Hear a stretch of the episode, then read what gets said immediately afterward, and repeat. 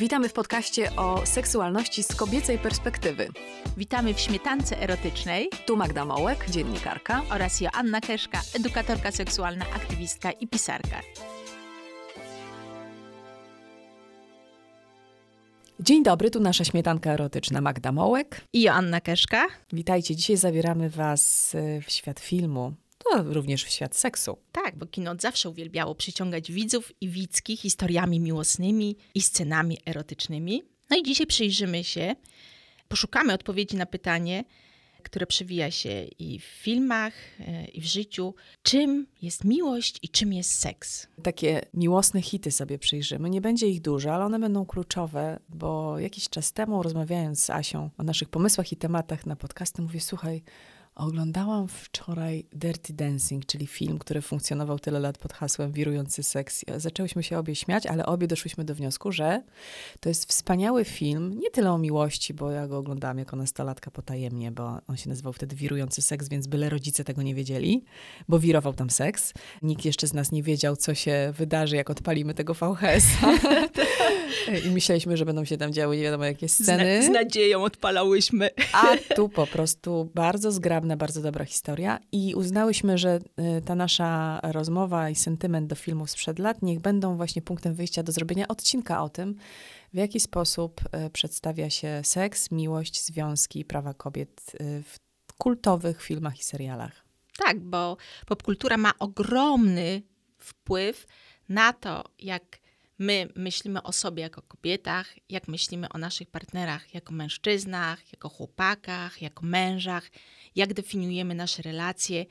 A kino to jest ogromna część popkultury i nie można minimalizować tego wpływu. Może nam się wydawać, że o, nic takiego się nie wydarzyło, poszliśmy sobie na komedię romantyczną, e, pani się wprowadziła do nowego mieszkania, pan w nowym mieszkaniu pomógł jej się wprowadzić, tak miłość spadła na nią czy na niego jak grom z jasnego nieba po paru perypetiach obrączka na palcu i żyli długo i szczęśliwie.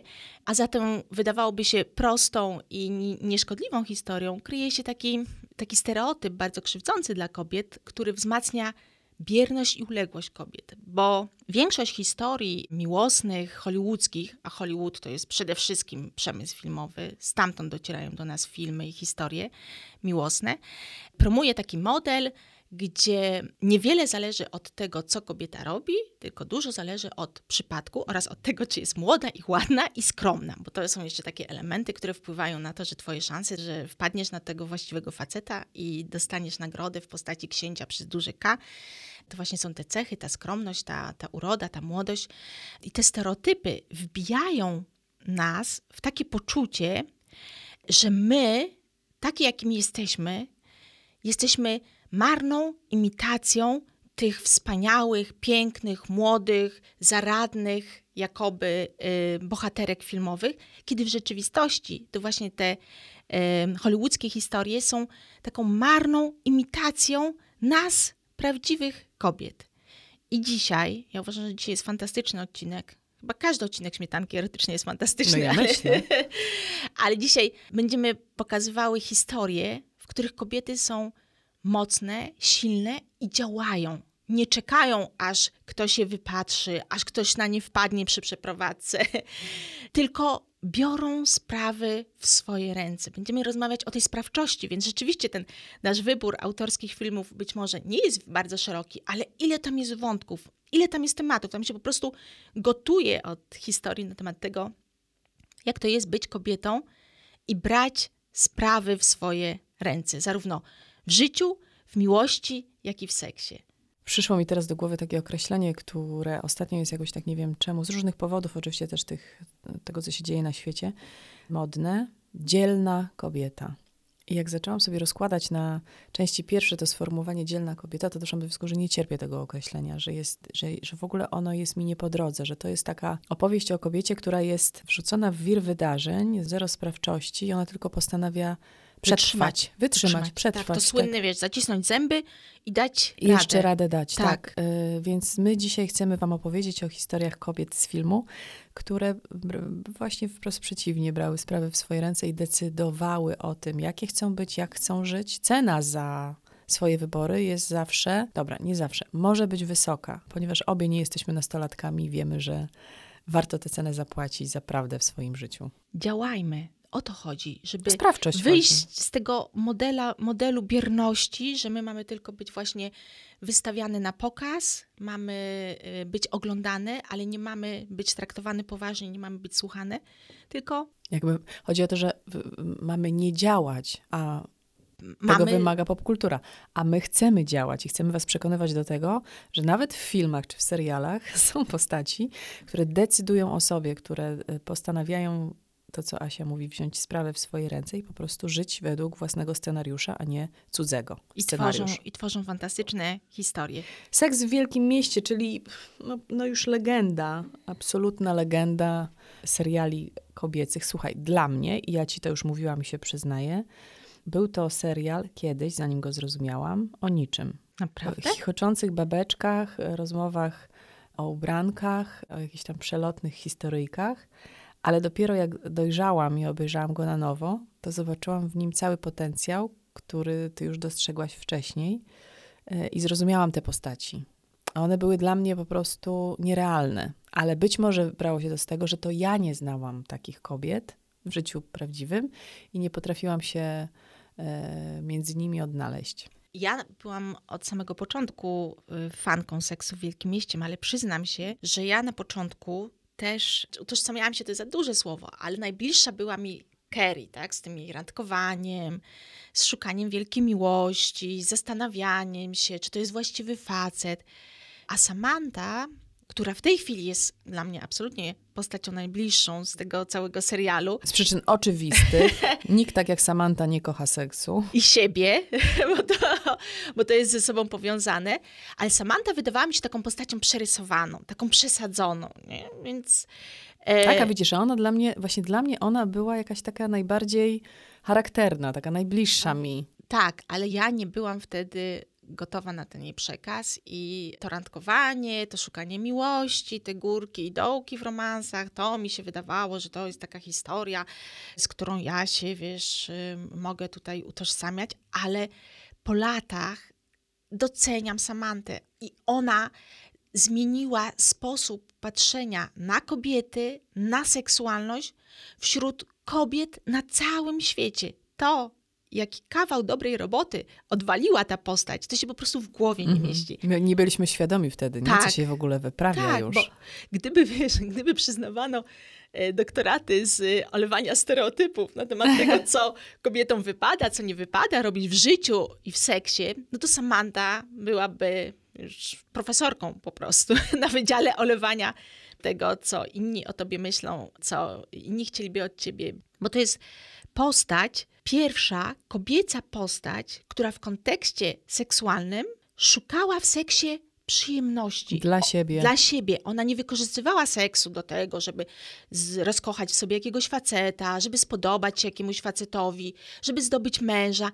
Nie, ona szła do, do łóżka, tak, po to, po co powinna się iść do łóżka.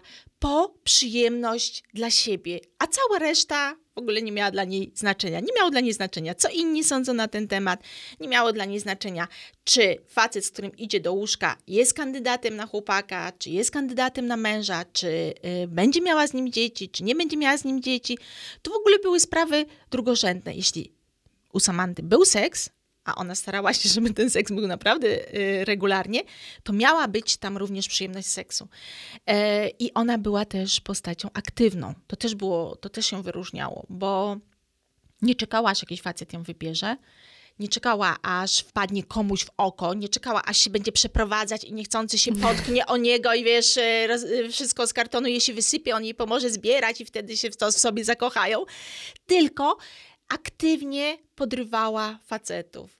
Wypatrywała sobie facetów, uśmiechała się do nich, podrywała ich, proponowała seks i miała z tego seksu przyjemność. A jeśli tej przyjemności nie miała, to y, szła sobie spokojnie do kolejnego faceta. I to jest też e, bardzo duża i ważna rzecz w takim społecznym podejściu do tematu, bo zobacz, scenarzyści jej nie ukatrupili. No, ona robiła naprawdę to, co chciała. Decydowała o sobie i jakby wygrywała to, co sobie postanowiła. Czyli jeśli podjęła decyzję, że będzie tak żyła, to dostawała to, czego chce i tam, nie wiem, no, nie leciały łzy, nie działy się jakieś straszne Absolutnie. rzeczy. Po prostu jakby konsekwentnie dążyła do swoich potrzeb, realizowała je i przechodziła do następnego zadania. Tak, ja tutaj zebrałam kilka fantastycznych cytatów, że tak powiem, niech Samantha powie sama za siebie, moich ulubionych, które były jej hasłami, jej tekstami z serialu. I jako pierwszy to jest mój absolutnie numerek jeden, jeżeli chodzi o hasła Samanty. Nie będę osądzana ani przez ciebie, ani przez społeczeństwo. Będę ubierać się w to, na co mam ochotę i robić laski tak długo, jak mogę oddychać i utrzymać się na kolanach. Więc to, że nie boi się tego, co inni o niej pomyślą. Jednak ten strach, kurczę, gdzieś tam cały czas z tyłu głowy u nas jest. Zresztą tutaj mam kolejny tekst, jeżeli chodzi o olewanie tego, co inni sądzą na nasz temat, bo ona mówi, że jeśli miałabym przejmować się tym, co każdy w Nowym Jorku powiedział na mój temat, musiałabym nigdy nie wychodzić z domu. Ale to jest to, o czym już y, wcześniej rozmawiałyśmy, że cokolwiek nie zrobimy, Mhm, tak jest źle. to i tak jest źle. W związku z tym naprawdę lepiej olać wszystko i od razu robić to, co nam pasuje. E, I kolejny wspaniały cytat y, Samanty z Seksu w Wielkim Mieście. Kocham cię, ale siebie kocham bardziej. I wszystko na ten temat. Albo posłuchaj mnie. Właściwy facet to iluzja. Zacznij żyć własnym życiem. I to też jest super, nie? że po prostu to, co mamy, to tak naprawdę jest nasze własne życie. Albo jak, jak podsumowała jakiegoś faceta, bo była dyskusja, czy e, facet się nadaje na, na, na randkowanie, czy nie. I tutaj Samantha mówi krótko. Jego problem polega na tym, że jest dupkiem. Koniec. Koniec cytatu. Koniec cytatu, tak. Albo skończyłam z wielką miłością, wróciłam do wielkich kochanków. Uwielbiam to. Zresztą wiesz, ja pamiętam, jak w 2006 roku pojawiła się na polskim rynku taka y, bogato ilustrowana książeczka, bo więcej było pięknych zdjęć niż opisów. Książka właśnie autorstwa serialowej Samanty, która prywatnie nazywa się Kim Cattrall i jest też autorką tego dzieła. Ta książeczka nazywa się Satysfakcja i była książką o przyjemności kobiecej, o kobiecym orgazmie w 2006 roku. No może w 2007 roku trafiła w moje ręce. Ja pamiętam, jak ja to przeglądałam. Pomyślałam sobie, gdzie my jesteśmy, tu, wtedy, my, w tym miejscu, w naszym kraju, a gdzie oni już są. Czyli, że potrafili też robić biznes na tym, co ona stworzyła jako postać w tym serialu. Że poszła dalej za tą, no może edukacją seksualną to by było nasze marzenie, ale no, w amerykańskich warunkach za biznesowym modelem. Skoro grałam taką postać, to mogę jeszcze w innych przestrzeniach dzielić się tą wiedzą, którą zresztą sama ona nam się dzieli swoją wiedzą. Czyli to nie była tylko postać stworzona dla serialu z opowieścią oto Samantha taka jest, ale w istocie ta osoba, Kim Cattrall, po prostu jest takim człowiekiem, no, jest babką, która mówi to, co mówi. No, W której życiu jest seks, po prostu. No, Tak, tak, jak, tak jak my wszystkie, w, wiesz. To, no, no w tak życiu każdej z nas jest, jest seks. seks. Tak. e, jeszcze... Ona jest chyba też matką wibrującego królika, nie? Z tego seksu w Wielkim Mieście. Tak. To jest, Uwaga, to nie będzie wielkanocny w trend. To jest e, wspaniały wątek związany z historią seksu w Wielkim Mieście, że ten serial wprowadził na salony wibratory typu królik. Bo w latach 90., kiedy ten serial był kręcony, oczywiście gadżety erotyczne dla kobiet były. Można było je kupić, ale wokół wybierania, kupowania i korzystania przez kobiety z tych gadżetów było, wiesz, takie odium winy, wstydu, grzechu. No wiesz, jesteś niewyżyta, nie udało ci się, no to wtedy możesz y, sięgnąć po wibrator. A tutaj mamy pierwszą serię serialu, dziewiąty odcinek i koleżanki sobie siedzą w knajpce w czasie lunchu i rozmawiają o miłości. I w tym momencie, tutaj uwaga, akurat to Miranda powiedziała, że ona jest zakochana. I no i wszystkie się zainteresowały, w kim, w kim jest za- zakochana. I Miranda mówi, że ona jest zakochana w swoim wibratorze króliku. I w ten sposób e, przedstawia wibrator typu królik Kerry i Charlotte, bo oczywiście Samancie nie musi go przedstawiać. I od tego odcinka zaczęła się absolutnie niesamowita kariera wibratora typu królik, bo pojawiając się w tym serialu w biały dzień, w eleganckiej restauracji, w historii eleganckich kobiet z Nowego Jorku, jak gdyby ten wibrator dostał błogosławieństwo, że jest normalnym, praktycznym, przyjaznym gadżetem dla wszystkich kobiet. I Jakim od... opłacalnym. Tak, bo, bo Charlotte, która sobie również kupiła za, za namową Mirandy wibrator, powiedziała, że dzięki niemu ma orgazmy w 5 minut. W związku z tym ten gadżet jest wart każdego dolara, który na niego wydała. Tam Najlepiej wydane dolary. Tam był jeszcze taki wątek, że ona się niby uzależniła, ale to już powiedzmy fantazja scenarzystów, bo gdyby wibratory uzależniały, to ja już bym dawno nie mogła wychodzić z domu. Ale Oczywiście. Oraz twój biznes rozrósłby się po tak. granice możliwości, do granic Byłoby możliwości. Wspaniale. Ale oczywiście wibrator typu królik zawsze trzeba mieć w swojej damskiej torebce. Ja mam tak małą torebkę, zaczynam myśleć o zmianie na większą. Ale y, są różne wibratory typu królik. Ja tutaj sobie go włączę, bo akurat ten mój to jest taki medium size. Proszę, włączam go. Tutaj się zaczęły świecić. Słychać go? O, proszę bardzo. On jest cichy dosyć, ale jest bardzo praktyczny. Dlaczego akurat on pojawił się w serialu Wielkim Mieście i dlaczego ten wibrator typu królik zrobił taką wielką furorę, bo on jest naprawdę dobry, naprawdę jest praktyczny, bo to jest najbardziej uniwersalny, proszę, teraz włączyłam trzon, teraz, teraz jest troszeczkę głośniej, teraz daję wibrator Magdzie, proszę bardzo. I Posiadam. Wibrator typu królik jest y, najbardziej uniwersalnym wśród wibratorów, ponieważ on ma takie uszy przyczepione do, do, do tronu, do trzonu i dlatego nazywa się wibrator typu królik. Nie, no tego... błagam cię, on w ogóle wygląda jak królik, jak popatrzysz tutaj z, Ale jest za taki... głównego trzonu, ma nawet pyszczek. Tak, tak? Tak, no uszy ma. No, A, uszy, tak, ma pyszczek, tak. zobacz. No widzisz no, no śliczny jest, no, wiesz. Śliczny i te uszy są bardzo delikatne. delikatne i te uszy służą do rozmasowywania łechtaczki. I najpierw rozmasowujemy, włączamy tylko uszy i rozmasowujemy tylko pochwę na zewnątrz, czyli używamy go tylko i wyłącznie jako wibrator łechtaczkowy. I dopiero wtedy, kiedy mamy ochotę na więcej, dopiero wtedy włączamy trzon i co się dzieje? Trzon możemy włożyć do pochwy, a te wibrujące kuleczki rozmasują nam wejście do pochwy, końcówka trzonu rozmasuje nam okolice punktu G, a uszy rozmasują nam okolice łechtaczki. Dlatego się mówi, że królik jest najbardziej uniwersalnym wibratorem, bo jednocześnie potrafi masować trzy punkty na mapie kobiecego ciała. Łechtaczkę, wejście do pochwy i okolice punktu G. Ale oczywiście z królikiem trzeba się obchodzić delikatnie, bo ja spotkałam e, wiele kobiet, które właśnie po obejrzeniu serialu Seks w Wielkim Mieście albo sobie kupiły królika, albo dostały na prezent i potem na widok królika mówiły, tylko nie ten, tylko nie ten wibrator. Więc ja pytam, o co chodzi. Okazało się, że e, włączały wszystkie funkcje naraz. Mhm. Nie.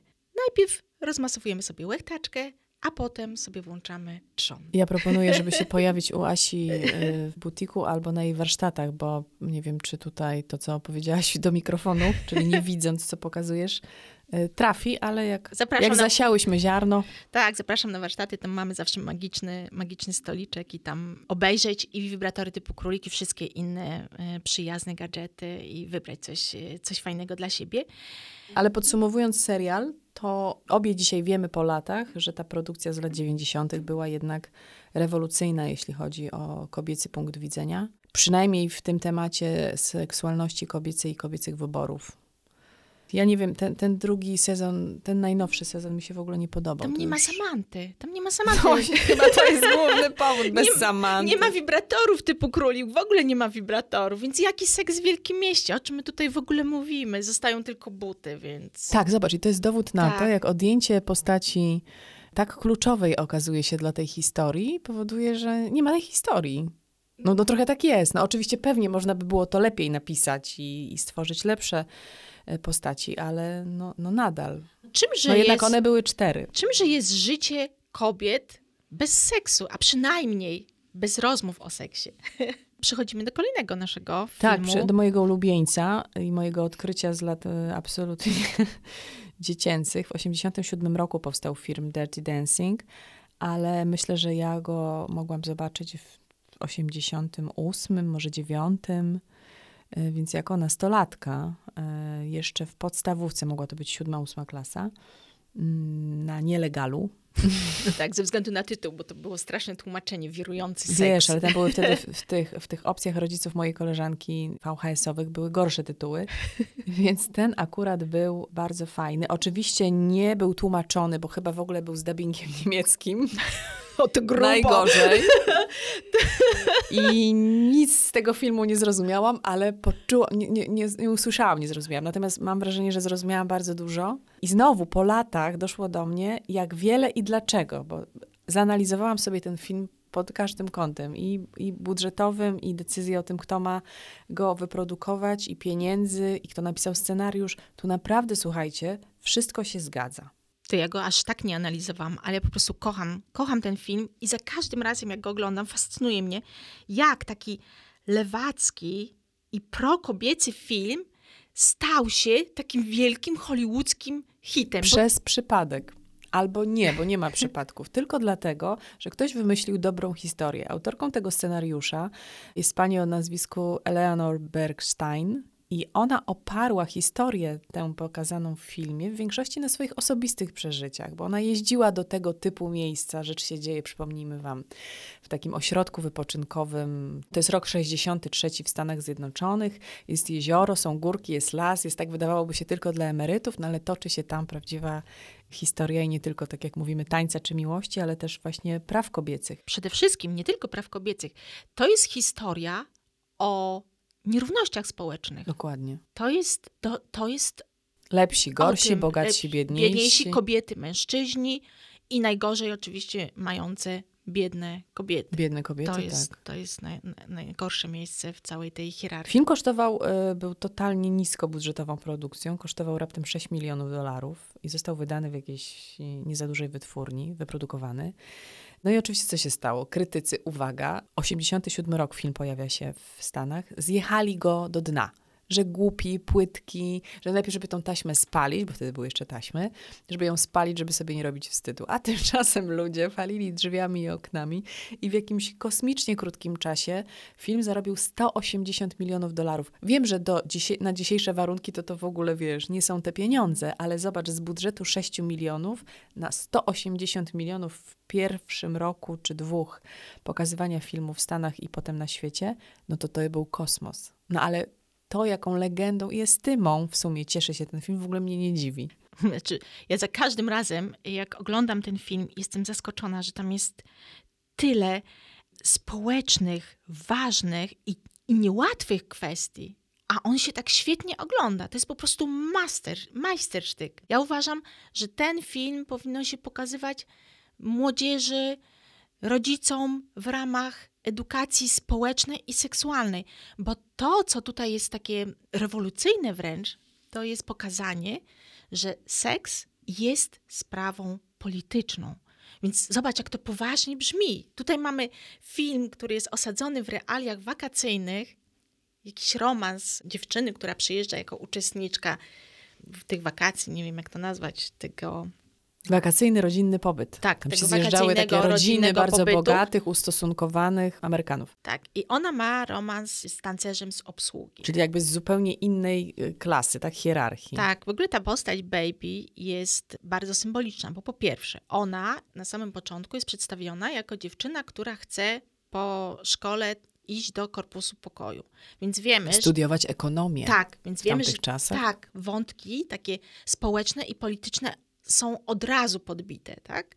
A oprócz tego Baby, czyli ta główna bohaterka, cały czas przekracza te granice, bo ona na samym początku, kiedy tylko przyjeżdża do tego kurortu, to już zaprzyjaźnia się z chłopakiem z obsługi, czyli przekracza... Pomaga mu walizki wypakować z auta. Tak, On jest taki zdziwiony i pyta, tak. roboty tutaj szukasz? A tak. dla niej to jest normalne, że tak. ona po prostu że ona, idzie To są zrobić. jej walizki tak. i ona... Jej siostra stoi i tak, czeka, tak. aż świat za nią wszystko zrobi, natomiast ona jest aktywna. Tak, jej walizki bierze się za swoje walizki.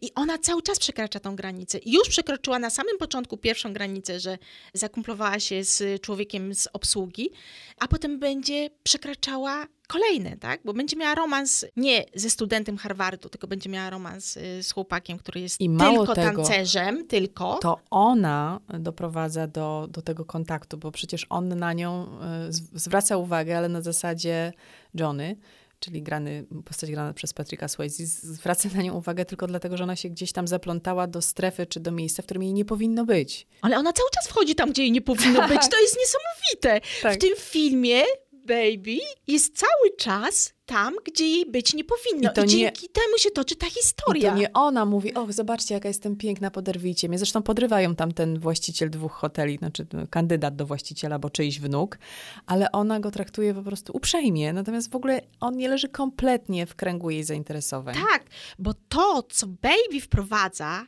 do filmu, to jest taki bardzo ważny przekaz, że seks powinno być coś, uczucia i seks, bo tutaj się to łączy. Uczucia i seks to powinno coś, co powinniśmy dawać i otrzymywać, a nie sprzedawać i kupować. Seks nie powinien być walutą.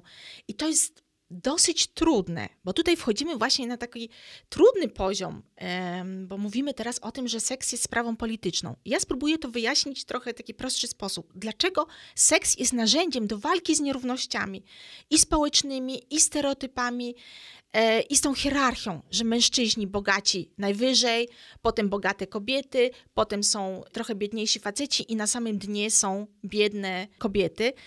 Przekaz tego filmu jest taki, że seks jest narzędziem politycznym, jeśli nie będziemy nim kupczyć, jeśli będziemy szukać tam przyjemności. Bo jeżeli seks nam będzie się kojarzył z przyjemnością, to do tego seksu będziemy sobie dobierać partnerów i partnerki, którzy są dla nas dobrzy, którzy nas szanują, którzy troszczą się o nas, a nie będziemy właśnie wybierać sobie partnerów i partnerki pod kątem tego, ile ma hoteli, Mhm. I co ja z tego będę mieć? i co ja będę z tego mieć, a w zamian oddaję swoją przyjemność, swoją sprawczość, Wolność. autonomię, swoje prawo do przyjemności i do decydowania o sobie. Ja to myślę, że można to wytłumaczyć yy, w ten sposób, że na przykład wyobraźmy sobie, że seks to są lody. Lubisz lody, Magda? Ja też, kocham lody. Mój syn chce je sprzedawać, ja się bardzo cieszę. Ja też, oj, Będę kupować by u niego. Było. Ja też. Zapraszam. Kocham, kocham lody. I lodziarnia kojarzy mi się z miejscem relaksu. Tak. Po prostu. Czysta przyjemność. Czysta przyjemność. Nie ma żadnych. O ile jeszcze wiesz, kawiarnia kojarzy mi się już, różne historie są związane z kawiarnią. Lodziarnia to jest czysta przyjemność. I na dodatek, w związku z tym, że ja lubię lody, to ja nie wchodzę do byle jakiej lodziarni, bo ja mam swoje wybrane lodziarnie. Bo jak ktoś jest taką koneserką jak ja, Mhm. to nie zje byle jakich lodów z byle jakiego miejsca. Wybrane lodziarnia, jeszcze masz wybrane smaki, Smaki, wybrany tak. sposób podania. Tak, To wszystko jest ważne. Tak. Czy jest w rożku, czy jest w kubeczku. I wyobraźmy sobie właśnie, że seks jest taką przestrzenią, gdzie my czujemy, że to jest po prostu przestrzeń, gdzie jest miejsce tylko na przyjemność i na nasze wybory. Że kiedy wchodzimy w przestrzeń seksualną, to tak jak wchodzimy do lodziarni, powinno nam się to kojarzyć z takim oddechem. takim taką radość relaksem. dziecięcą tak, poczułam, tak. tak. Że wkraczasz do świata, który ci wszystko oferuje, ale Tak. tylko zdecyduj. Dużo możesz, ale co weźmiesz, to zależy tylko od ciebie. Mogę mieć dzisiaj, wiesz, ochotę na tradycyjne śmietankowe lody, żeby za chwilę je zamienić, wiesz, na przykład na lody o smaku suszonej śliwki, bo takie też są. I tak nam się powinien kojarzyć seks. I tak jest przedstawiony seks właśnie w tym filmie, jako czysta przyjemność, jako miejsce, do którego wchodzimy z osobami, z którymi czujemy się naprawdę dobrze, z którymi czujemy się e, swobodnie. I z tą postawą, że seks, uczucia to jest przestrzeń, w którym ta baby, główna bohaterka, porusza się swobodnie, zgodnie z tym, co, co ją wzmacnia, to jest taki policzek dany temu patriarchalno-kapitalistycznemu systemowi, gdzie wszystko powinno być na sprzedaż, gdzie ona powinna sobie kalkulować, że nie opłaca się inwestować uczucia i swojej nie wiem, cnoty, czy w swojej młodości i swojej energii seksualnej dla chłopaka, który jest tylko tancerzem i jest tylko z obsługi, ona w ogóle nie kalkuluje, bo ona idzie tam po przyjemność i dzięki temu ona wygrywa. Ale my żyjemy w tym systemie takim kapitalistyczno-patriarchalnym, gdzie kobietom się wmawia, seks to jest twoja waluta. Masz ją wymienić na opinię, że jesteś porządna, masz ją wymienić na chłopaka, bo się szanujesz, to znajdziesz sobie, jak się szanujesz, to znajdziesz sobie porządnego chłopaka, masz ją wymienić na męża. I teraz ten mąż powinien mieć dużo rzeczy. I tak kapitalizm nas wszystkich zaprzęga do tego, żebyśmy my ciągle gonili. Faceci mają gonić za władzą i za pieniędzmi. Kobiety mają być odcięte od władzy i pieniędzy. Dostęp do władzy i pieniędzy mamy sobie zapewniać Poprzez. poprzez seks, poprzez uległość, poprzez rezygnowanie ze swoich własnych praw. Dlatego ta decyzyjność, dlatego ta sprawczość jest taka ważna, bo kiedy my zaczynamy kierować, nie kalkulować, nie sprzedawać siebie, nie sprzedawać swoich praw, tylko zaczynamy wierzyć w to, że dobre traktowanie, przyjemność, poważne traktowanie tego, co my chcemy, to są sprawy ważne, to jest stawianie oporu właśnie tym krzywdzącym, schierarchizowanym, sztywnym systemom, gdzie kobiecość jest rozumiana właśnie jako bierność, jako bycie ładną i uległą, a Albo te- męskość jako jest y, symbol te, tego dostępu do władzy i do pieniędzy.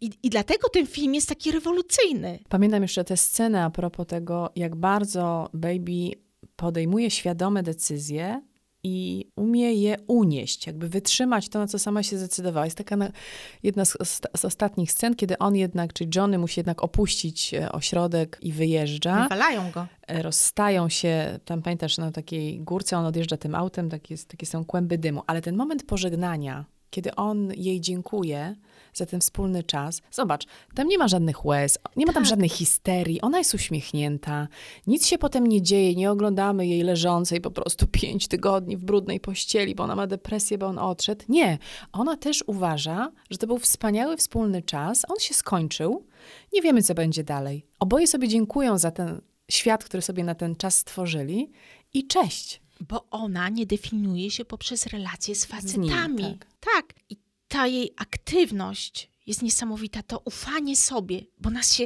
wiesz, tak pozbawia Tak. tego zaufania do siebie. takie ważne. Ona sobie cały czas, Czas ufa. ufa. Ona nawet nie, jak, jeśli świat e, jej nie wierzy, to ona mówi, dobra, trudno, ale ja sobie ufam. Ja cały czas, jak rozmawia Wie- z tym tak. ojcem, w jaki sposób ona z ojcem rozmawia, ile jest w niej tam pewności. Sama mówi w pewnym momencie, tak mnie wychowałeś. Taką chciałeś, żebym była. To teraz jestem, widzisz? Teraz jestem i teraz ty się z tym zmierz, bo to ty powiedziałeś mi, że mam być dobrym człowiekiem. Ona jest po prostu dobrym człowiekiem, ale trudno jest, wiesz, ufać sobie, kiedy jest się kobietą. Tyle dostajemy przekazów, że inni wiedzą lepiej, że my jesteśmy histeryczki, że kobiety to ciągle zmieniają decyzje, że same nie wiedzą, czego chcą, że to, jak ona idzie krok po kroku, zgodnie z tym, w co wierzy i co jest dla niej dobre, to jest absolutnie wyzwalające. To jest taki jeden wielki lewacko-feministyczny manifest z dobrą muzyką i z dobrym tańcem w tle. Tam jest nawet postać jej matki, która bo w zasadzie jest od tego, żeby dziewczynki ładnie wyglądały. Ona też jest taka reprezentacyjna. Ten mąż lekarz przecież to ją też jakoś tam nobilituje, bo nie, nie dowiadujemy się, kim z zawodu jest mama baby, bo ważna jest postać ojca, tak? Ten, ten patriarchat jest tutaj mocno narysowany taką grubą kreską. Ta kobieta, która wcześniej, nie wiem, strofuje dziewczynki, że mają siedzieć prosto przy stole, albo spotkać się z panem, bo studiuje na jakimś tam Harvardzie. I nagle w tych ostatnich scenach ona też wyraża jakby swoją potrzebę.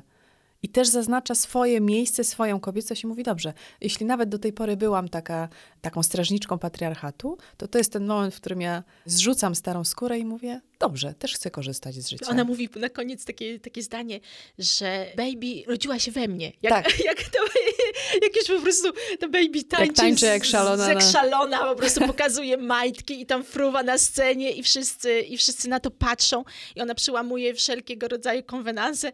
To wtedy matka mówi, tak, ona ma to po mnie, ale też to jest zasługa baby, tej bezkompromisowości. Tak. I to, jak ona się zachowuje, wiesz, w tej przestrzeni seksualnej, w tej przestrzeni związkowej, bo często kobiety, które są aktywne, które chcą, wyciągają rękę po to, czego chcą, są przedstawiane jako desperatki. A tam jest tak pięknie pokazane, jak e, najpierw ojciec zakazuje jej spotykać się z Johnem, po czym ona od razu idzie do Johna i to już jest super. I wyznaje mu, to ona mu wyznaje Tak. uczucie. Po pierwsze mu wyznaje uczucie, zaprasza go do tańca, ona pierwsza zaczyna go całować i w ten sposób to ona inicjuje seks. I to jest takie cudowne.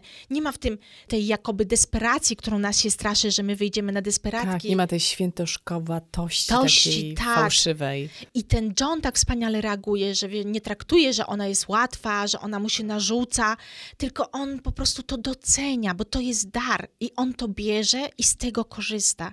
Więc oni się dzielą, właśnie oni sobie dzielą się tą, tym uczuciem i dzielą się tą swoją Tam jest seksualnością. po prostu równość. Teraz Tak. jak o tym opowiadasz, tam jest równouprawnienie. Każdy wnosi tyle, ile należy. I wszyscy na tym I korzystają. wszyscy na tym korzystają. I ten seks, jaki jest piękny, jak wiesz, faceci. E, fajnie by było właśnie, jakby faceci oderwali się trochę od tych filmów porno i przestali kojarzyć oglądanie filmów porno z edukacją seksualną, a nauczyli się tańczyć, bo tam jest taniec Ojej, moje jako element marzenie. seksu. Coś cudownego. Oni sobie włączają Jaki muzyczkę. tam jest, ile tam jest wolności w tych ciałach. Jest taka Tak. scena, kiedy ona pierwszy raz wchodzi do tej zakazanej strefy, bo jest tylko dla staff only, czyli dla ekipy i nie można tam, gościom ośrodka nie wolno tam wchodzić, ale ona oczywiście tam włazi, bo, no bo zna chłopaka z obsługi.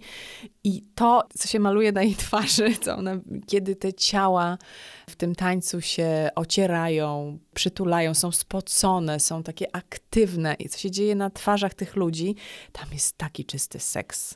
Ale ona w to wchodzi, bo ją to nie, nie odrzuca. Ją to Ojej, nie- nie- że ja jestem nie. dziewczynką z No jest taka, nie no, ma takie troszkę, że tak się, tylko chyba bardziej nie chce im przeszkadzać, Tak. e, próbując ich omijać, niż e, jest zniesmaczona tym, co widzi. Nie, wprost przeciwnie. Ona jest ciekawa, cały czas ta ciekawość ją Tak. prowadzi, cały czas. No mówi ci, kobieta napisała scenariusz, no, dlatego ten film się zgadza, no. Tam też jest bardzo ważny wątek aborcji z kobiecej perspektywy. Oj, tak, tak. To jest, to już jest w ogóle wybitnie, e, wybitne i w ogóle próbowałam sobie przypomnieć, czy jest jakiś inny tak znany film, w którym e, temat aborcji byłby przedstawiony tak prokobieco, bo my zazwyczaj temat aborcji, szczególnie w Polsce, znamy z, e, z ciężarówek, które są oblepione drastycznymi zdjęciami i No, straszą. albo wyrokami pseudo, z wyroków pseudotrybunału, wiesz, no jest mnóstwo takich miejsc, w których wiemy o aborcji coś, co jest jakby tylko wycinkiem tej historii. Tak, a tutaj poznajemy całą historię i to z kobiecej perspektywy. I historia związana z tematem aborcji, a raczej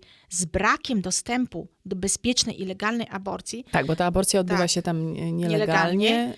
zaczyna się od tego, jak mm, baby widzi w kącie w kuchni zapłakaną, zwiniętą po prostu w kłębek, Kłębek, zaryczaną jedną z tancerek, tak. Po prostu widać, że jest Że to jest jakiś prze- koniec świata. przeorana, tak. Tak. I tak wchodzimy w ten temat. Bo właśnie dowiedziała się, że jest w ciąży, co oznacza, że nie będzie mogła pracować, co oznacza, że spadnie w hierarchii społecznej jeszcze niżej, bo jest tam taka scena, w której, nie pamiętam jak nazywa się ta piękna blondynka, partnerka Johnego, ta pierwsza, którą potem Baby zastępuje, że ona mówi do Baby tak, nic nie wiesz o moim życiu. Moja matka wyrzuciła mnie z domu, jak miałam tam kilkanaście 16 lat. lat. Tak. Tak. I to jest, i teraz całe moje życie to jest wszystko to, co sama stworzę, co sama, ona tego już nie mówi, ale to już Tak. rozumiemy to, czym się zaopiekuję i w co pójdę.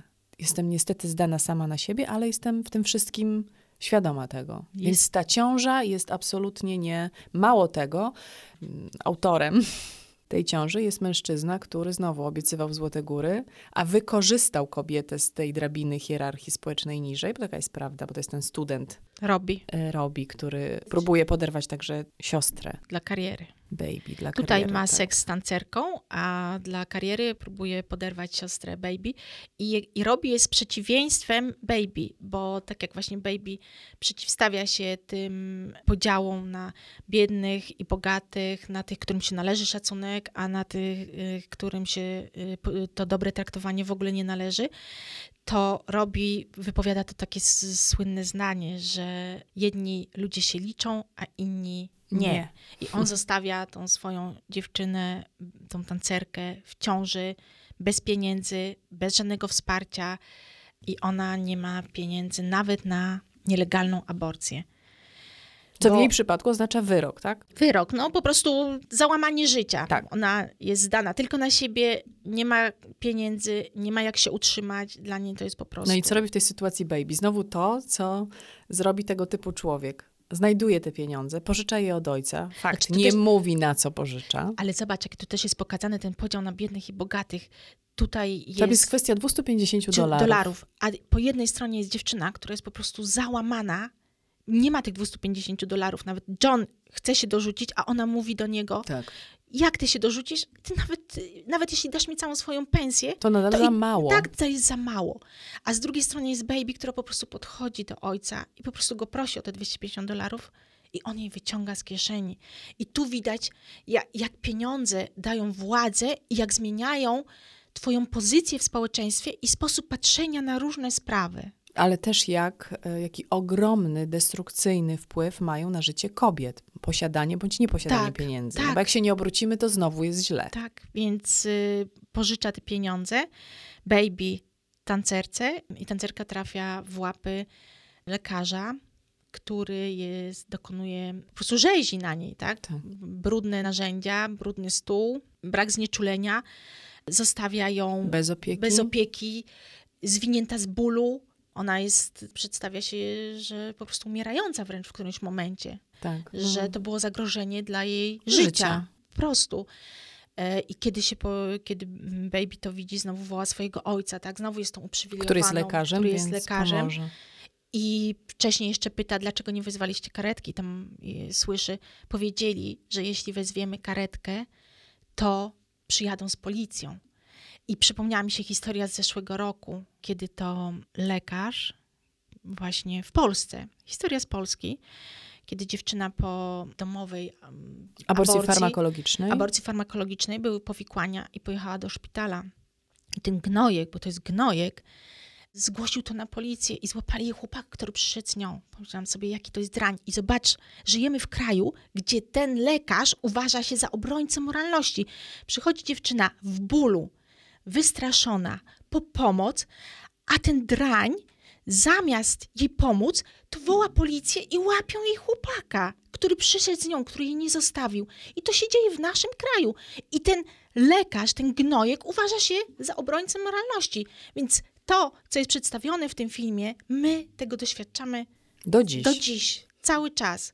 Zresztą e, moje dziecko miało w szkole podsumowanie trymestru i, i pan od łaciny napisał jej, opisowe mają oceny i napisał jej, że docenia, że tak ją oburzał los kobiet w Grecji i dopisał, ale kobiety w Polsce w tej chwili nie mają dużo lepiej. Nie. Tak jej napisał.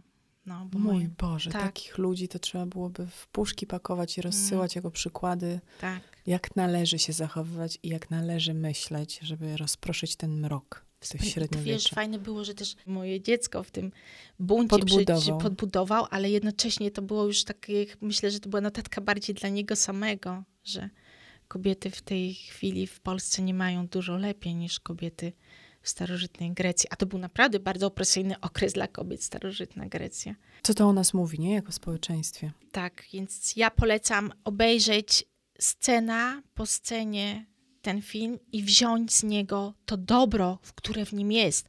I tam też jest taki fajny moment, kiedy baby mówi, że nic nam się nie udało, tak? A Johnny mówi, nieprawda, ja jestem innym człowiekiem. Tak. To jest w ogóle super, więc y, Tak, ten film musiał być takim hitem, właśnie ze względu na prawdę, którą tam przedstawia. Ja myślę, że to nigdy nie jest przypadek, że, że coś zyskuje rangę legendy, mitu, takiego produktu, po który w momencie pojawienia się na, na świecie, na scenie już ludzie sięgają, a potem, tak jak my po 30 latach, wciąż o tym rozmawiamy.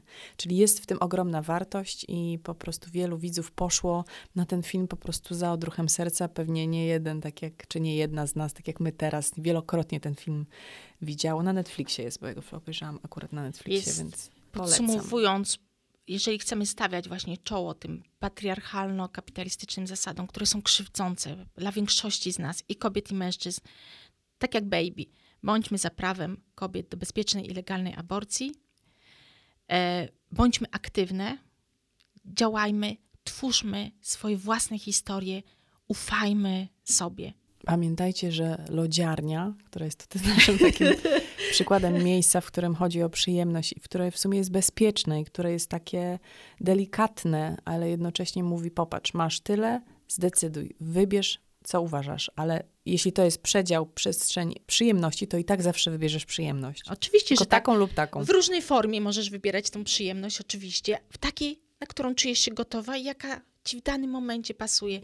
Ale nie rezygnujmy z tej swojego prawa do przyjemności, prawa do wyrażania własnych opinii, prawa do bycia traktowanymi dobrze w zamian za jakoby opinię społeczną, w zamian za status dziewczyny, żony czy kochanki. Nie wchodźmy w to. Nie nas te marne interesy będą wzmacniać. Dobrze, no i na koniec film, który ty uwielbiasz. Ja jestem tym filmem porażona, ponieważ paradoksalnie zwiastun, to też jest klasyka, bo mówimy o filmie Telma i Louise, zwiastun tego filmu zapowiada nam lekką, sympatyczną, łatwą przygodę w filmu Drogi. Naprawdę? Ja nie widziałam zwiastuna. A ja zaczęłam właśnie od zwiastunu. Nie. I, I powiem ci, że Nie przyszłoby mi do głowy tak reklamować tego filmu. Nawet komentarze pod zwiastunem uważnych obserwatorów i oglądaczy są właśnie takie. Aha, ten zwiastun nie mówi nic o tym filmie. Jeśli się szykujesz na zabawę, przygodę, uśmiech, szybkie rajdy i strzelanki, to jak obejrzysz, będziesz miał inne zdanie. Znaczy on nie jest chwilami zabawny. Tam postać tego Deryla, męża Telmy, wprowadza taki element komiczny i troszeczkę odciąża tą historię, ale ja uważam, że to jest epokowy film. Dlaczego? Po pierwsze, bohaterkami są dwie kobiety. Dwie kobiety głównymi bohaterkami filmu hollywoodzkiego. To jest w ogóle coś niespotykanego. Też starego filmu, bo to jeszcze musimy uświadomić sobie, jakie to czasy. 91 rok. Ale nie tylko dwie kobiety są bohaterkami, ale tematem jest kobieca przyjaźń. To jest coś bardzo świeżego i rzadko spotykanego w Hollywood. I mamy tutaj też, wiesz, całą plejadę postaci i kobiecych doświadczeń, które zazwyczaj nie są przedstawiane, bo zazwyczaj kobiece historie w hitach hollywoodzkich są sprowadzane do tego właśnie, że ona znajduje miłość. A tutaj są pokazane prawdziwe kobiece doświadczenia, prawdziwe, znaczy powiedziałabym, postacie, które każda z nas gdzieś tam spotkała w swoim życiu. Bo mamy tutaj właśnie apodyktycznego, ograniczonego dupka męża Deryla, mamy gwałciciela na imprezie, mamy słodkiego złodziejaszka, który, z którym jest fajny seks, a który potem okazuje się zwykłym chujkiem. Mamy też chłopaka jednej z bohaterek, który nie jest idealny, ale na swój sposób jest zakochany w tej, w tej bohaterce i jest tam w, jak, w jakiś sposób, w swój nieporadny sposób jest jej oddany. Więc mamy tutaj plejadę historii i doświadczeń, które znamy, które w jakiś sposób odzwierciedlają nasze prawdziwe doświadczenia. I dlaczego, wiesz, pokazywanie kobiecej przyjaźni jest takie epokowe i jest takie rewolucyjne? Ponieważ historie filmowe zazwyczaj, jeśli główną bohaterką jest kobieta, przedstawiają szukanie miłości. To jest cel życia kobiety. Tak. No bo i w życiu, i w filmie tak samo, czymże byłaby kobieta bez mężczyzny? No niczym. No po prostu kobieta bez mężczyzny to jest taka, której się w życiu nie udało. Przeźroczysta. Więc To jest to pytanie, Tak, nie ułożyła sobie jeszcze życia. Tak. Albo nie ułożyłaś sobie w ogóle życia. Albo kiedy sobie ułożysz życie. Wszystkie te pytania sprowadzają się do jednego. Kiedy u boku twego pojawi się mężczyzna? tak. I to jest właśnie ten najważniejszy moment w życiu każdej kobiety. Znaleźć sobie to, to trofeum, ten dowód społecznej poprawności, dowód na to, że poradziłaś sobie, znaleźć sobie tego mężczyznę. I te wszystkie historie sprowadzają się właśnie do tego, żeby z mniejszymi lub większymi komplikacjami, ale odnaleźć prawdziwą miłość i e, włożyć na palec e, albo pierścionek zaręczynowy, albo najlepiej od razu obrączkę. A tutaj tego wątku w ogóle nie ma. Faceci są z boku, a to, co możemy obserwować, to jak rozwija się relacja między dwoma kobietami. Pierwszy raz w kinie, w takim hitowym filmie, widzimy etapy budowania przyjaźni między kobietami. Jak one zaczyna, jak one, one już startują w tą podróż jako bliskie przyjaciółki, ale stają się coraz bliższe sobie, jak sobie ufają, jak sobie nie dowalają, bo tam każda ma swoje fakapy po drodze. Telma przy, z, idzie do łóżka z, z złodziejaszkiem, który jest... Oj, tam z Bradem Pittem. Z Bradem Pittem. Można dużo rzeczy. Złodziejaszek, nie złodziejaszek. mają super seks, ale kradnie im wszystkie pieniądze. E... Dobrze, wiesz, czasem taka cena. No tak, ale radzą sobie. Nie dowalają sobie z tego powodu. Tak, tak. To jest niesamowite. Tak, nie ma obwiniania, szukania. Nie ma tak. obwiniania, tylko szukają rozwiązań. Jak ta relacja między nimi się buduje, to jest y, jak, jak ta relacja wyznacza im kierunek. To jest niesamowite. Ile walizek dolarów oddałabyś Bradowi Pittowi, żeby spędził z Co to tobą jest noc? 6 tysięcy, proszę cię. 6 tysięcy tylko? On 6 tysięcy, on im ukradł 6 tysięcy. No a ja ciebie pytam, filmie. ile ty byś była w stanie poświęcić? No. Dużo? Policzyłam, ile mam na koncie, wiesz, szybko, więc nie wiem, czy to by Bradowi wystarczyło, ale seks tam też jest. Tam, gdzie są prawdziwe kobiece historie, tam też jest seks. I ten seks jest przedstawiony znowu w taki fantastyczny sposób.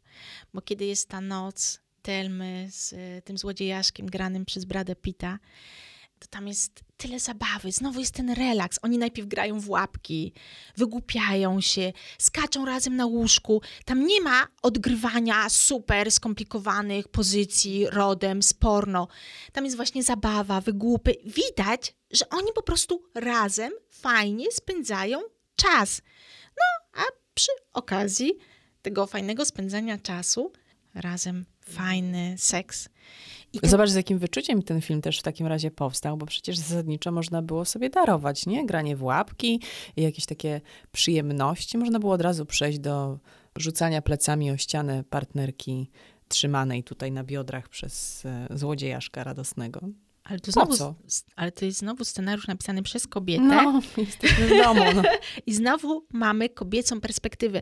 I w tej kobiecej perspektywie jest to, o czym ja cały czas powtarzam. Potrzeby.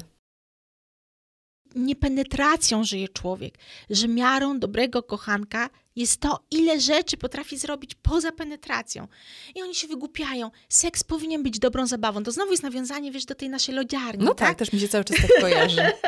powinnyśmy czuć się tam dobrze i znowu w Telmie i Luizie ten seks jest relaksujący, jest zabawny, jest pełen takich wygłupów, nie jest traktowany tak na poważnie, nie jest wyczynowo, nie ma, wiesz, nie, nie liczy się to, jak wyglądamy, chociaż oczywiście Brad, Brad Pitt wygląda świetnie, no warto naprawdę obejrzeć sobie, jak Brad Pitt wygląda bez koszulki, się tam pręży, ale widać, że nie wygląd ma tam znaczenie, tylko atmosfera między nimi, że Tak. oni się naprawdę ze sobą dobrze, Dobrze bawią, czują. dobrze czują. Wiesz, No i to jest i jeszcze ile jest radości dla tej bohaterki, bo okazuje się, że to, czego doświadcza ze złodziejaszkiem, jest czymś e, na zupełnie innym biegunie w, w sferze seksualności niż to, czego doświadczyła z Darylkiem, z Darylkiem. Ale Daryl jest taką komiczną postacią, bo jak poznają Brada złodziejaszka, to Telma opowiada właśnie o swoim mężu i, i ten złodziejaszek mówi, no, bo on udaje takiego grzecznego, miłego chłopca. On mówi, no nie obraź się, Telma, ale ten twój mąż to jest zwykłym gnojkiem. A ona mówi, tak, wiem, to jest gnojek. ten Daryl z tą swoją mm, apodoktycznością, gamoniotowością wprowadza element taki żartu, ale dopiero wtedy jest elementem żartu, kiedy już go nie ma w jej życiu. Wtedy się można z niego śmiać. Bo na początku, kiedy on ją ustawia, Tak. kiedy ona się go boi, kiedy musi prosić o pozwolenie na każdą rzecz o swojego męża, kiedy ten mąż jest takim, miesza rolę jej ojca, który jej daje pozwolenie na wszystko, wszystko ona musi go pytać i dziecka, które ona musi obsługiwać, to ten początek wcale nie jest zabawny. Najgorsza mieszanka. Tak, dopiero się zaczyna fajna zabawa, jak ona mówi, tak wiem, to jest gnojek. I też mówi do Luizy w którymś momencie, jak uciekają, czy jedziesz ze mną, bo ja nigdy już nie chcę wrócić do tego życia, tego bycia panią domu, do, do tego miejsca, do tego domu, do tego męża, że to jest coś, czego ona już sobie nie wyobraża. Powrót do bycia taką Wszystko wygląda Uległą. inaczej, wszystko wygląda jak nowe, tak jakbym miała na co czekać. To jest cytat też z tego filmu, nie? Ja sobie tutaj jeszcze zapisałam inny cytat, bo kiedy one już uciekają przed policją, kiedy to się zamienia w taką już nie podróż, tylko w ucieczkę, to Telma mówi, chyba mi odbiło, a, Luiza jej odpowiada, zawsze byłaś trochę stuknięta, tylko nie miałaś okazji być sobą. I to jest, Ojej. i o tym jest ten film. Jak ja się z tym utożsamiam. ile kobiet nie ma okazji być sobą. Przypomniała mi się historia takiej mojej znajomej, która była wielką kociarą. Ja też jestem kociarą, uwielbiam koty. E, no i miałyśmy zawsze o tych kotach rozmawiałyśmy. I kiedy ona weszła w stały związek, wyszła za mąż, wybudowała dom. Skończyły się koty. Skończyły się koty, bo, bo mąż on... powiedział, że on, że, to jest, że on sobie nie wyobraża w takim ładnym domku, który de facto ona wybudowała, żeby był jakiś kot. I, e, w ładnym domku nie może być kot? No, jak jest mąż gnojek, to okazuje się, że dla kota nie ma miejsca. Po prostu. Więc e, to jest taki, taki szczegół, ale te szczegóły to jest takie, wiesz, wyrywanie nam skrzydeł. Mhm. Jeszcze przed naszym dzisiejszym nagraniem przeczytałam sobie wypowiedź Cher, y, strasznie fajną, która myślę, że też nawiązuje do tego, o czym dzisiaj mówimy, że z facetami jest jak z deserem. Można ich lubić, ale spokojnie można się bez nich obejść. Mi się strasznie to podejście podoba, żeby nie traktować bycia w związku właśnie jako rzeczy najważniejszej, ale też to nie oznacza, że my deprecjonujemy udział mężczyzn w naszym życiu, ale bierzemy to, co dobre, bierzemy to, co nas wzmacnia. Nie traktujemy e, te, tej relacji z mężczyzną jako ołtarza, na którym musimy spalić nasze lubienie kotów, na przykład, nasze prawo do podejmowania własnych decyzji, do realizowania się, do życia tak, jak chcemy. A nas się tak zachęca, że wiesz, ta bogini domowego ogniska to, jest ta, to najczęściej się sprowadza do tego, że my w tym domowym ognisku spalamy siebie. A często kobiety są, wiesz, tak też zarobione, my tak jak te chomiki w tym, w tym kółku. Tyle rzeczy jest nam, z, zwala się nam na głowę, że my nie mamy często czasu, siły, przestrzeni, żeby pomyśleć o sobie. Nie bez powodu Telma i Louise zaczynają tą swoją przyjaźń, tą swoją przygodę z odkrywaniem siebie w momencie, kiedy wyjeżdżają z domu. No właśnie, wiesz, i nie bez powodu cały system skonstruowany jest tak, żeby kobiety miały na barkach tak dużo, żeby nie miały czasu myśleć. Tak. No to jest po to, jeśli nie masz chwili wytchnienia, nie masz dla siebie 10 minut w ciągu całego dnia, no to jak będziesz miała parę godzin codziennie, żeby zastanowić się nad swoim życiem? To znaczy, co cię musi wtedy spotkać, jaka tragedia, żeby tobą zatelepało i żebyś zobaczyła, że jesteś w złym miejscu ze złymi ludźmi. Pomyśl też o tym, Magda, że często przedstawia nam się męską przyjaźń jako wzór przyjaźni. O, prawdziwa męska przyjaźń, jest coś takiego. Szorstka, ale męska, tak. ale prawdziwa. Ja sobie zdałam sprawę, że my możemy mówić o męskiej przyjaźni, bo faceci mają czas na tą męską przyjaźń. No, a to. duża część kobiet nie ma na to czasu, żeby dbać o swoje przyjaźnie. I ja zawsze mówię, że gdybyśmy tyle czasu, tyle energii, tyle emocji, którą poświęcamy na budowanie, szukanie czy podtrzymywanie relacji z, z jakimś facetem czy z facetami, włożyły w budowanie relacji z innymi kobietami, z innymi ludźmi, to miałybyśmy ogromną siatkę społecznego wsparcia, której nie mamy, kiedy ładujemy wszystko w jedną osobę i damy się właśnie jak ten chomik zapędzić w taki kierat, gdzie my jesteśmy i obowiązki domowe, i wysiłek emocjonalny, i wysiłek organizacyjny, i wszystko po prostu jest y, na naszej głowie i zwyczajnie brakuje nam czasu i przestrzeni, żeby pomyśleć o sobie, a i pomyśleć o budowaniu relacji, które nas wzmacniają. Które nas będą budować. Takim ważnym elementem tego filmu, może pokrótce też powiedzmy, jest gwałt. To jest też istotna sprawa spojrzenia na to zjawisko. Tak, no bo cała ta historia zaczyna się od tego, że Telma i Luisa wyjeżdżają na weekend, który ma być spokojnym weekendem gdzieś tam w domku w górach, ale po drodze zatrzymują się w knajpie i poznany facet w tej knajpie okazuje się gwałcicielem. I Luisa, żeby obronić Telmę przed gwałtem, zabija go, strzela do niego. Po tym strzale pada takie słynne zdanie, że czy zgłosić to na policję, tak, czy nie zgłosić? I pada to zdanie: 100 osób widziało, że z nim tańczysz. Kto teraz cię uwierzy, uwierzy że próbował cię zgwałcić? To jest zdanie, które nam opisuje kulturę gwałtu. Kultura gwałtu polega na tym, że gwałt obciąża ofiarę że ofiara jest przedstawiana jako ta, która sama się o to prosiła. Kiedy wypływa temat gwałtu, to obwinia się ofiarę, a szuka się usprawiedliwienia dla sprawcy. Wszystkie to znamy, wszyscy to znamy. W co byłaś ubrana, po co tam poszłaś, jaki miałaś makijaż, ale tańczyłaś z nim, mogłaś tego nie robić, mogłaś pomyśleć.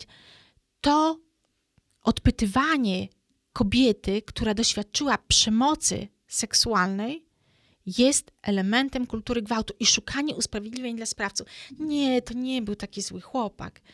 e, ona go sprowokowała, tak? No on Mhm. miał takie naturalne, męskie potrzeby, faceci tak mają. I żeby nie było, że my to teraz pijemy pianę. Sprawa sprzed kilku tygodni.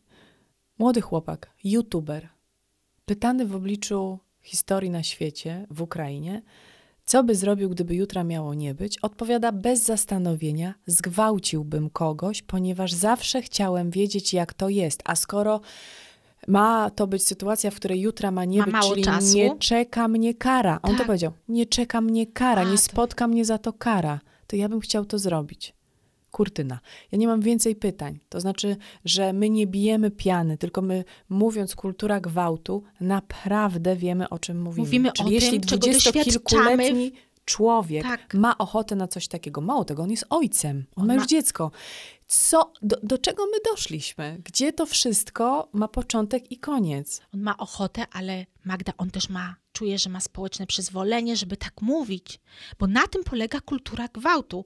Określa, w jaki sposób społeczeństwo myśli o gwałcie. I jak społeczeństwo myśli o gwałcie? Czyli to jest możliwe wtedy, kiedy nie będzie za to kary. Tak, lekceważy cierpienia.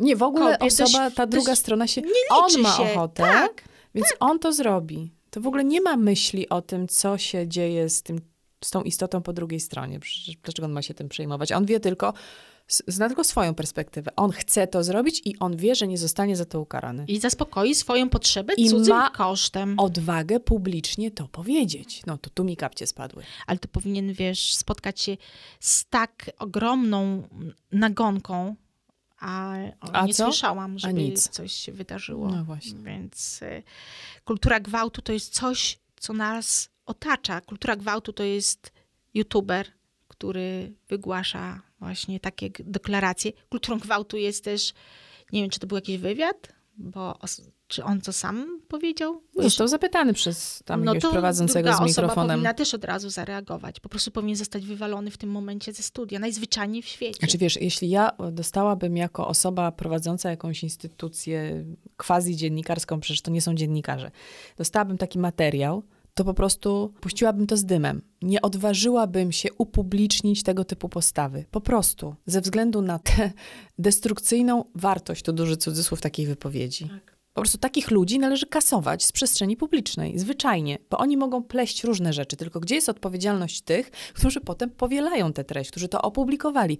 Po co, jeśli nie ma w tym żadnych słów krytyki i jeśli tego człowieka za powiedzenie tego nie spotka nic? Bo Bo, go nic nie spotka. Bo żyjemy w kulturze gwałtu. No więc Ja właśnie. często dostaję takie informacje gdzieś właśnie z, od studentek, gdzie e, jest e, wykładowca. No znowu jest jakaś który- historia, nie tak, wiem, wykładowca polonistyki. molest- molestuje. Latami, Tak. latami robi to kolejnym osobom, kolejnym rocznikom. I jest bezkarny.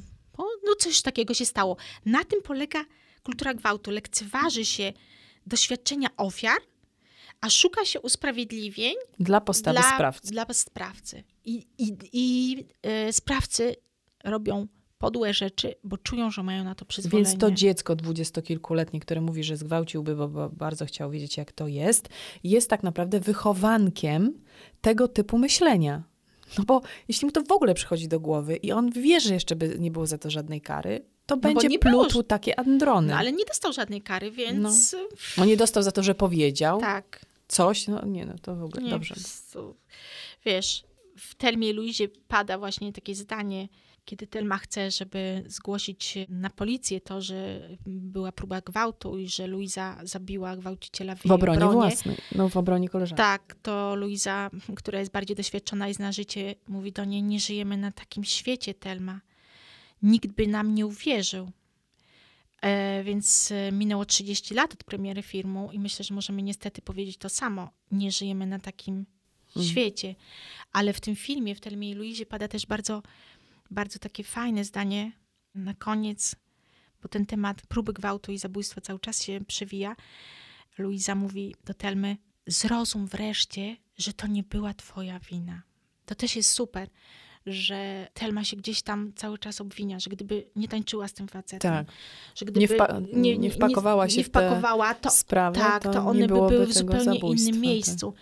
I to zdanie, które Luiza mówi z takim, wiesz, mocno, zrozum wreszcie, że to nie była Twoja wina. To jest zdanie, które my powinnyśmy mieć powtarzane codziennie w tym kraju. Nie my, nie, nie ofiara, nie kobieta jest przyczyną gwałtu. Sprawcą gwałtu jest zawsze gwałciciel. Zawsze. Po prostu. Kropka. Mm. Jeszcze jedno zdanie mi się tam bardzo podoba, kiedy Luiza próbuje namówić Telmę do porzucenia tego, jak ty mówisz, ciapowatego Buraka deryla. buraczynę Deryla. Masz w życiu to, czym się zadowalasz. Tak. Zobacz, to jest taki film pełen bonmotów, które w istocie są bardzo, bardzo, bardzo pożyteczne. I to jest absolutnie bon motów. To jest um, takich super, super podpowiedzi. Super power motów. Tak, super power. żeby e, nie, nie zadowalać się w życiu byle czy. Żeby nie zadowalać się kłamstwami, żeby nie zadowalać się manipulacją, wykorzystywaniem ani przemocą. To co? Omówiłyśmy trzy najważniejsze produkcje. Dla nas najważniejsze. Zachęcamy po prostu, żeby odpalić, e, odpalić ekrany mniejsze lub większe i zobaczyć te filmy, bo przed nagraniem tego podcastu obejrzałam sobie jeszcze raz i Telma i Louise e, i obejrzałam sobie Dirty Dancing i tam była taka potężna dawka dobrej energii, której myślę, że wszyscy bardzo potrzebujemy. A jeszcze ja obejrzałam Telmę i Louise z moją córką nastolatką i, zachęcam do tego, bo z jej punktu widzenia to jest ramot, tak? Mogłoby się wydawać, bo to film z 1991 roku. A ona oglądała i mówiła, jaki świetny film. Więc y, zachęcam do tego, żeby odświeżać te stare, dobre filmy, które są tak naprawdę ponadczasowe i które mogą być odtrutką na tą popkulturową papkę, którą, którą jesteśmy tutaj otoczeni w tej chwili z, ze strony i tych wszystkich filmów e, z platform i w kinie i w, i, i w telewizji. No klasyka w dobrym wydaniu zawsze się obroni. I Taka prokobieca, wiesz. Oglądając taki... właśnie zwróćcie uwagę na to, czego nie zwracałyście, nie zwracaliście uwagi te lata temu, kiedy oglądaliście. Możecie naprawdę na nowo zobaczyć film, który niby wydaje wam się, że dobrze znacie, ale z takim nastawieniem poszukiwania wartości i treści, jakby nagle rodzi ci się, masz wrażenie, że obejrzałaś inny film, a to ten sam. Żeby kopnąć w tyłek te wszystkie sztywne, wąskie definicje, co jest kobiece, co jest męskie, i, i spojrzeć z taką uwagą i troską na siebie i na innych. I niech lodziarnia was prowadzi. I pamiętajmy, że seks jest sprawą polityczną i kobiecy orgazm za kobiecym orgazmem zmieniamy ten świat na miejsce lepsze dla nas wszystkich. Amen. Dziękujemy, do usłyszenia w następnym odcinku. Do usłyszenia, hej.